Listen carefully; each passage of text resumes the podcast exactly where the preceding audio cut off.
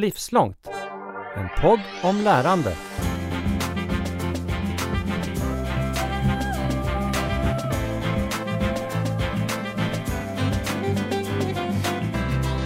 Här var det livslångt igen med mig, Katarina Pietschak, och det ska bli vin, kvinnor och kanske inte sång, men i alla fall prat idag. Det ska handla om omställning, och då inte av hela arbetsmarknaden eller samhället eller sådär som vi brukar prata om annars kanske, utan av ett liv och vad det kräver för lärande och hur det ens blir så.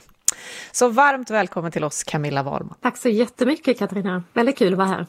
Det är vi som är kvinnorna då och så har vi lovat också vin och prat. Men sommelier och journalist ser jag att du numera beskriver dig som eh, på din hemsida.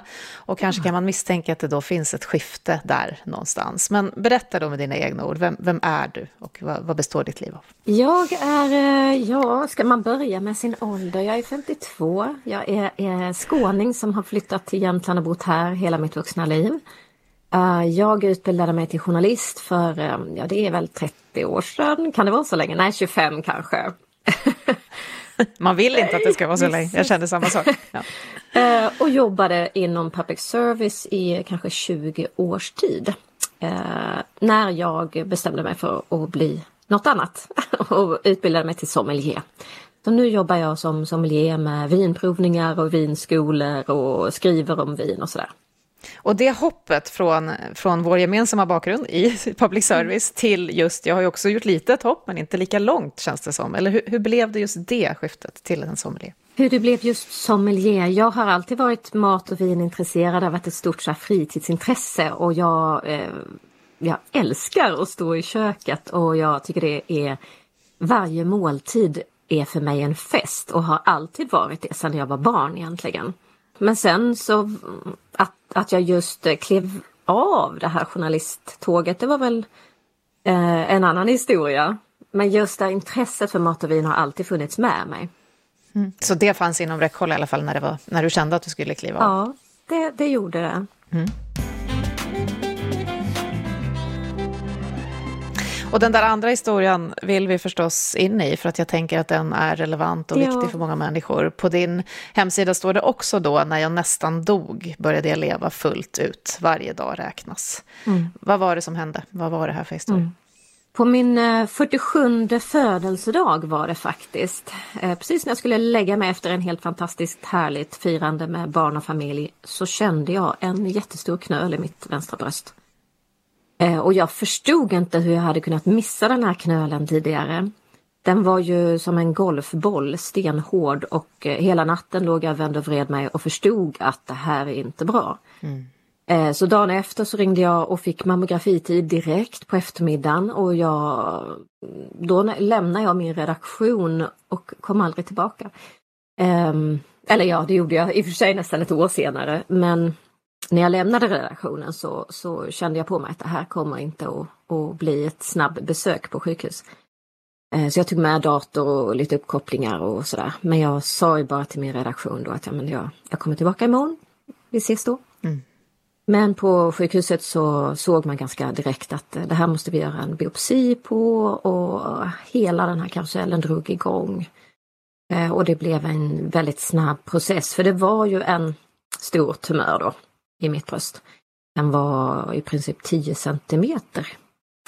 Eh, och eh, ja, men det, mattan rycks undan från ens, under ens fötter. Verkligen. Jag hade gått, alltså vi vet ju alla att vi ska dö en dag men på något sätt i någon sorts oskuldsfull eh, känsla av att men det är långt fram i tiden. Och så mm. helt plötsligt skulle det kunna vara liksom om ett halvår och man funderar ju på sina barn och tänk om jag inte får se dem träffa sina framtida partner och växa upp och bli vuxna och ta studenten och alla de där tankarna. Ehm, det var ja, förstås väldigt, väldigt omskakande. Men ja, sen drog allting igång och vi har en fantastisk vård i Sverige och jag fick ganska snabbt eh, cytostatikabehandling, alltså så jag gick på cellgifter ett halvår innan eh, jag opererade bort hela vänstra bröstet och alla lymfkörtlar och sådär. Så det var en stor operation och efter det var det strålbehandling. Eh, tuffaste strålbehandlingen man kan få med booster så att jag var ju ganska eh, liksom tagen av all behandling och sådär. Och sen skulle jag då tillbaka till mitt arbete efter nio månader. Hela den här liksom ja, närkampen med döden skulle man kunna säga att det var mm. faktiskt. Den känslan att du nästan dog som du då beskriver på din sida. Mm. Ja, ja precis. Men jag... I början när jag fick veta att jag hade en så stor tumör och det var troligt spridigt, eh, troligen hade det spridit sig vidare då, det var ju bara någon vecka efter att jag hade känt den här knölen som, som jag hade mitt första läkarbesök och de sa att vi måste ta fler prover, vi måste kolla så att det inte har spridit sig till andra delar i kroppen eller skelettet och det var ganska skrämmande undersökningar där man får insprutat medel i kroppen och man gör, genomgår vissa röntgenundersökningar. Under den perioden visste jag ju inte om är det här dödligt eller inte. Det var några veckor som jag gick omkring och, och var väldigt osäker på om jag skulle överleva eller inte. Och så en dag ringde läkaren och sa att nu har vi fått resultat på dina prover och det har inte spridit sig vidare till andra mjukdelar än till lymfkörtlarna. Och trots att jag då hade 10 cm stor tumör i bröstet så kändes det ju som en wow, vilken gåta! Ja visst, det var fantastiskt. Ja. Det var på något sätt liksom ja. saved by the bell och jag ringde min sambo och vi, vi skrattade och grät om vartannat. Nu var det ju bara bröstcancer ändå. ja. När du har gått igenom hela den historien då, som ju för många säkert som inte har gått igenom den också upplevs som väldigt skrämmande och kanske väcker minnen av för de som har gått igenom mm. det. Och så sa du, sen skulle jag ju då på något vis återgå till mitt vanliga liv och min karriär och det jag har varit med om. Hur mycket, innan allt det här, hur mycket av din identitet fanns i den karriären och i din journalistidentitet som jag ju också vet är stark mm. hos många journalister och så. Mm. Hur, hur, hur hade det sett ut innan?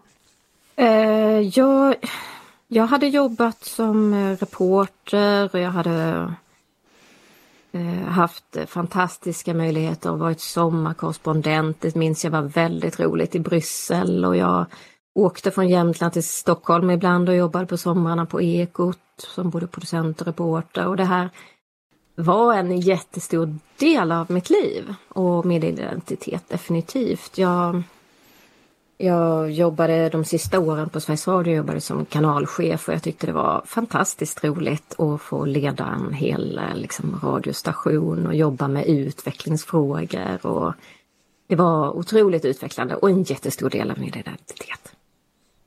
Det var det. Ehm, men sen, sen var det faktiskt så att jag blev förälskad. Det hände en annan liksom stor kris, fast på ett positivt sätt får man väl säga. Eh, jag blev förälskad i en medarbetare när jag var då kanalchef.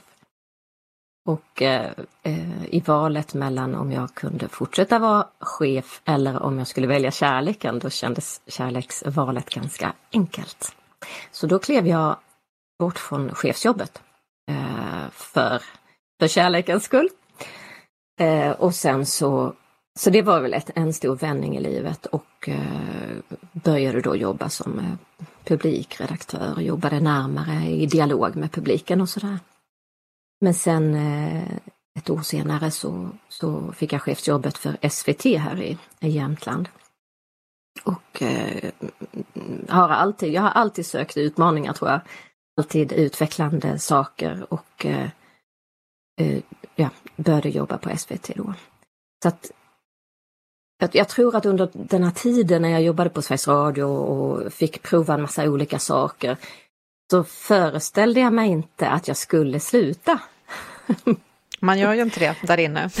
Nej, Nej det var liksom en väldigt trygg och, och Eh, härlig miljö på många sätt. Det är dynamiskt, det händer mycket hela tiden och eh, många av ens kollegor är ju kvar livet ut faktiskt. Mm. Har man väl en gång satt sin fot inom public service så är det lätt att man blir kvar hela yrkeslivet. Mm. Så det var väl inget som jag egentligen hade funderat över att jag skulle göra, lämna det. Vi är som två avfällingar här då, du och jag som ändå gjorde det. Ja.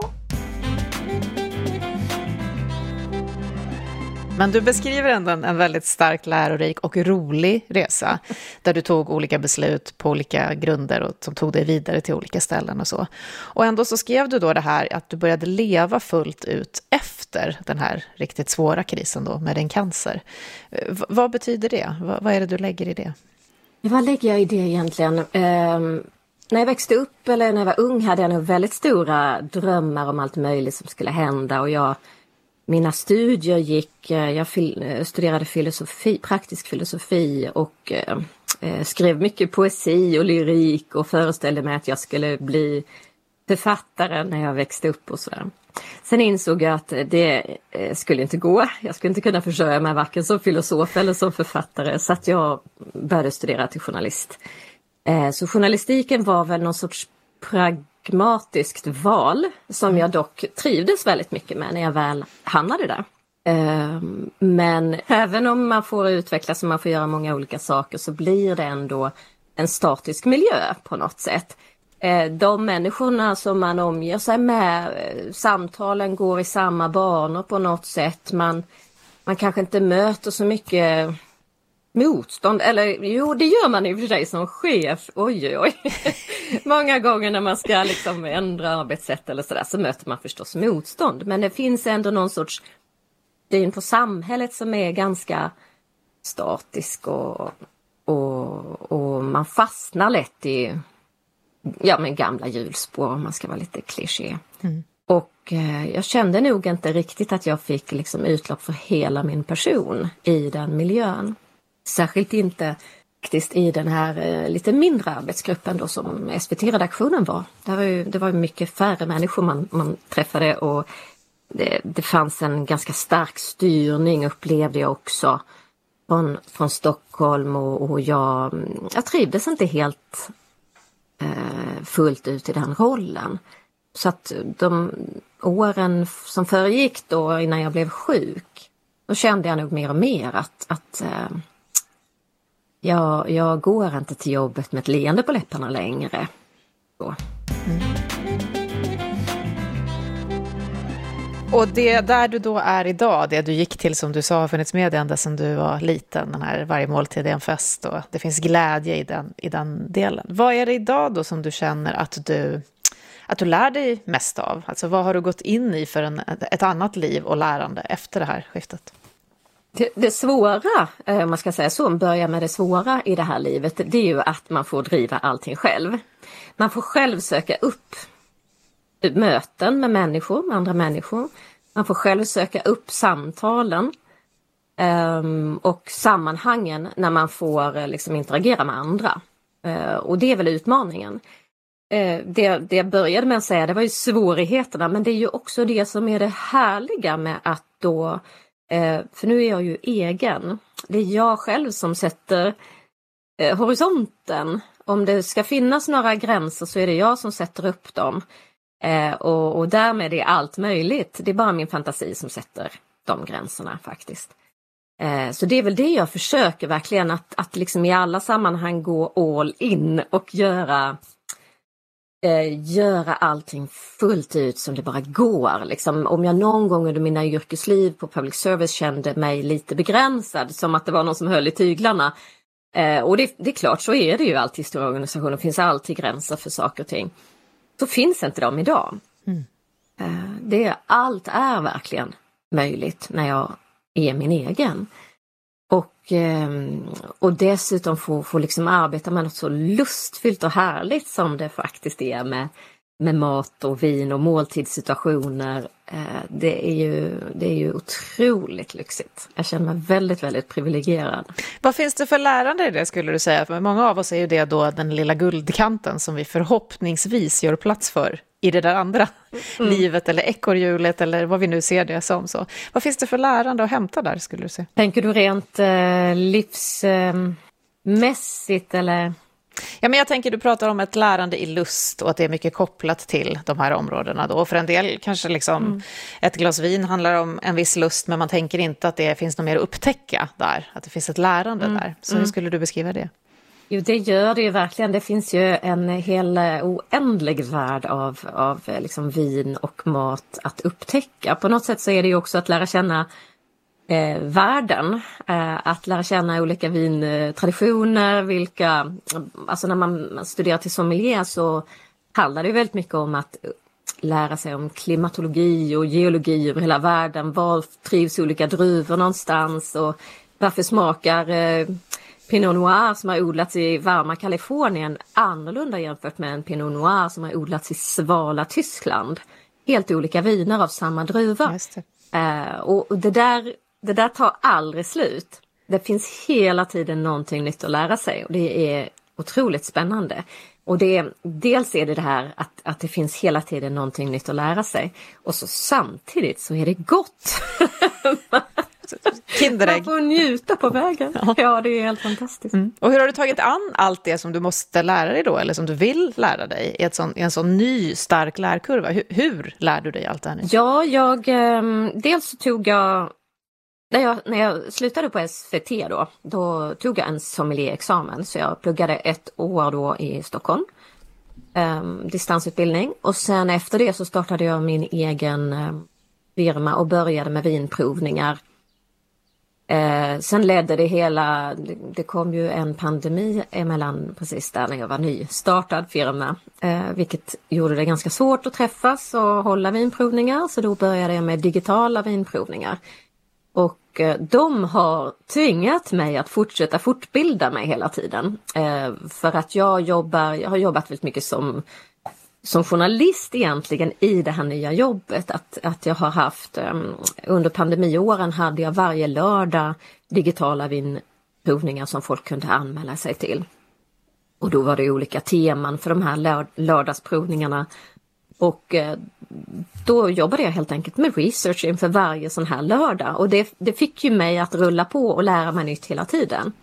Och sen efter eh, när pandemin eh, började lägga sig då började jag med vinskolor och då, mm, då var det liksom lite, lite mer på djupet och, och ett, jag fick arbeta fram koncept för vilka druvor hänger ihop på olika sätt och hur kan man lägga upp en utbildning och det, då fick jag ju jobba på ett annat sätt där också med inlärning då för mig själv för att kunna lära andra också. Eh, så det är väl det här att, att hela tiden hitta på nya projekt, nya saker som jag var tvungen att lära mig. Om jag tolkar dig rätt så är då lärkurvan högre i ditt, ditt liv nu än när du fortsatte många år i samma typ av liv som du hade då så att säga. Ja, mm. ja så är det ju. Absolut, för, för till slut även om kanalchef på, på P4 är ett intensivt och komplext arbete så blir ju även det lite rutin efter några år.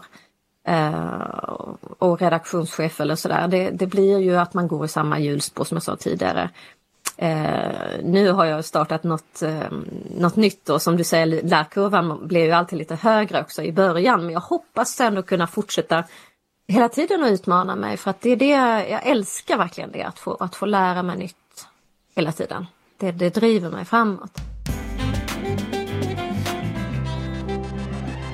Nu har vi pratat mycket om det här vinet som jag utlovade i början, men du har ju också fått in maten där på ett hörn som ju hör ihop såklart i det här.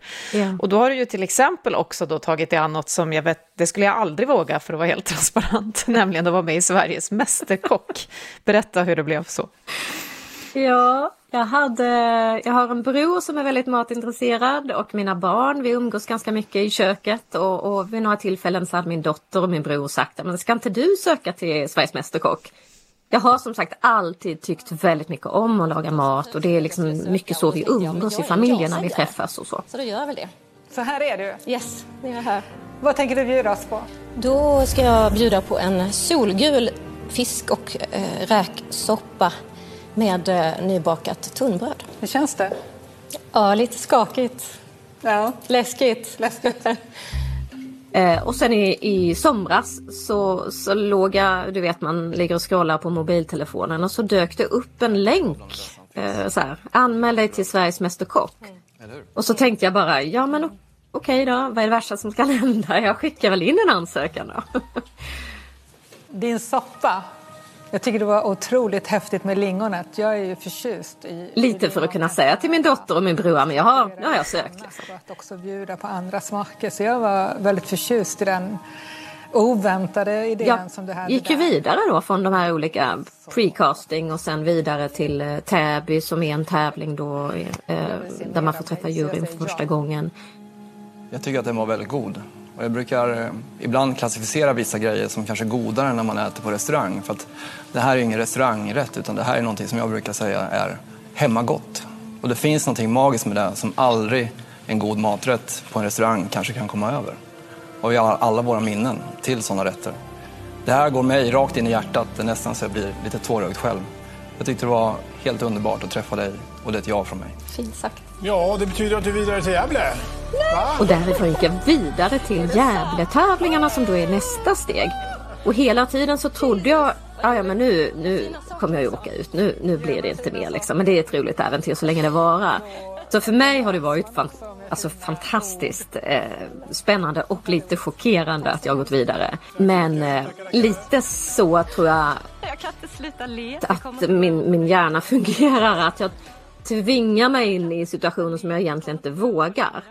Jag fattar beslutet innan jag har tänkt igenom om jag egentligen vågar för att då får jag uppleva roliga saker. Jag är en ja-sägare. Det tar mig till ganska roliga platser. Mitt liv blir rikare. Det känns eh, som en ynnest liksom, att få vara med om den här resan. Så är den resan över nu, eller hur har det gått? Är det fortfarande mod kvar som du behöver uppbåda? Ja, ehm, så är det ju. Verkligen. Jag gick ju vidare från Gävle och blev topp 12 i Sveriges Mästerkock. Eh, men, men eh, lite som du säger Katarina, hade jag, tänkt, hade jag tänkt igenom vad det skulle innebära då hade jag kanske inte vågat. Eh, men, men ibland får man, måste man räcka upp handen och säga att men jag gör det här.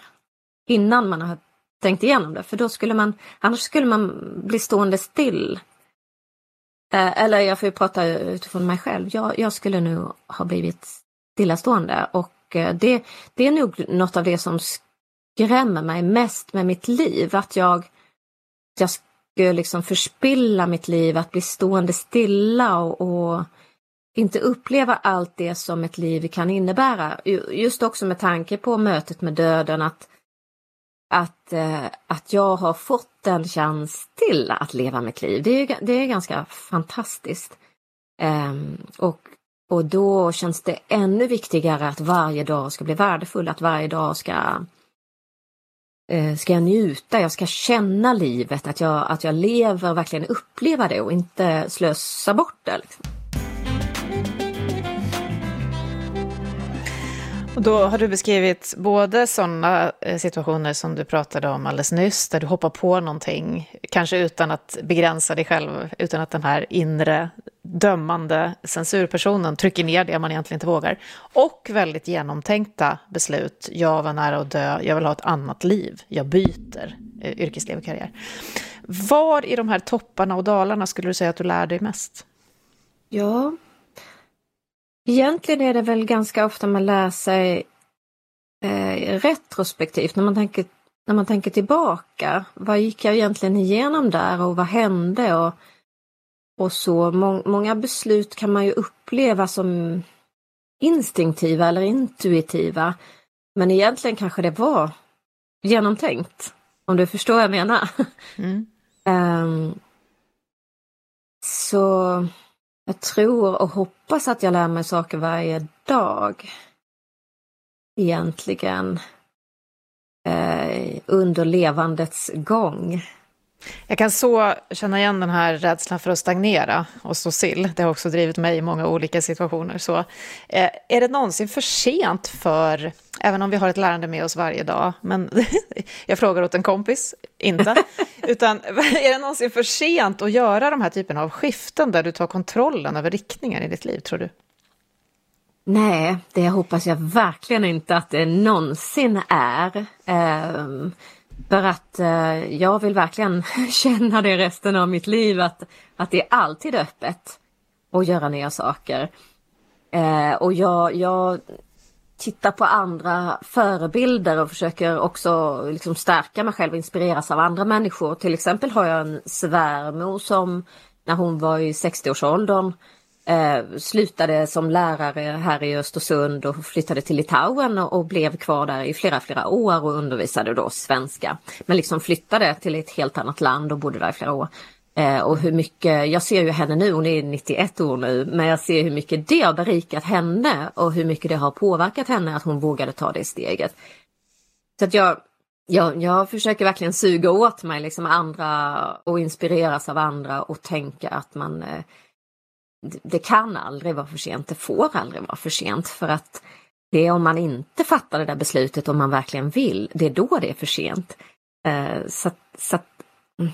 ja nu, nu vet jag inte om jag blev lite för liksom filosofisk där, men, men att, att, att ja, det är verkligen att, att claima sitt liv på något sätt, att, att hela tiden våga, våga mm, fatta de beslut som, som känns rätt. Oavsett vilken ålder, om du är 85 eller om du är 15 eller 38 så är det ju bara du som kan ta beslutet åt dig. tycker det känns bra att du får användning för dina studier i, i praktisk filosofi, så det, du får gärna vara filosofisk här också.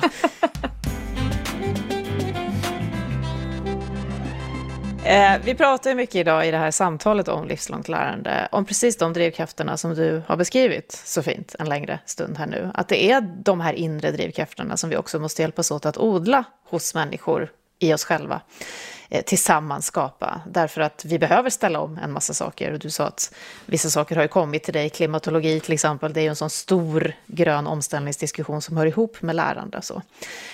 Vad tänker du när du ser andra som har svårt att hitta det här, som, som står kvar, om det är rädslor eller att de inte är inbjudna för att kunna gå vidare eller så. Vad, vad, vad tänker du, vad kan man skicka med? Ja, eh, på något sätt så vill man ju man, man, man, får, eh, man får ta lite ledarskapet över sig själv, kan man säga så?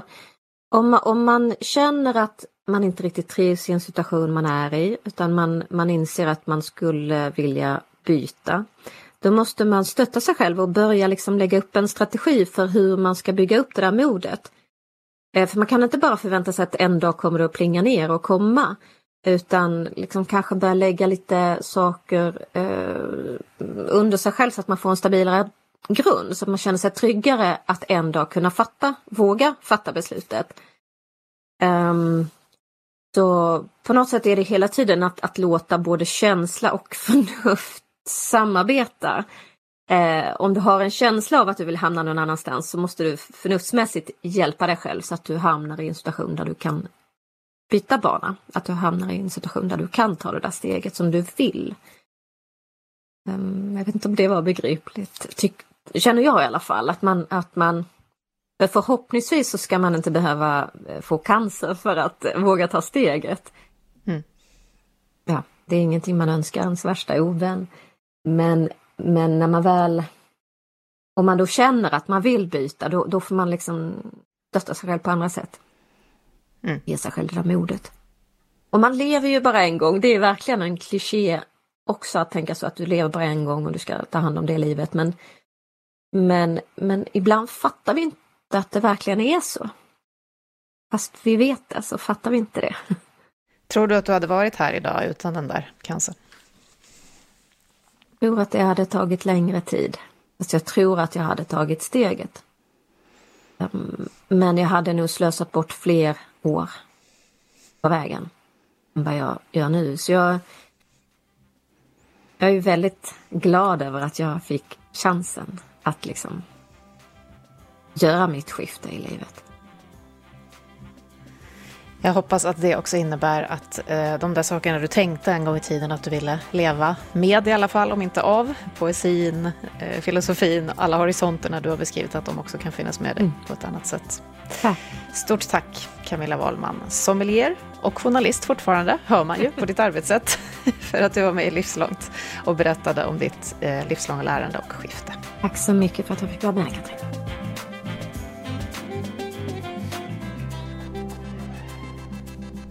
Har just hört Livslångt, en podd från RISE om allt det där man lär sig i livet. Vi hörs om en vecka igen.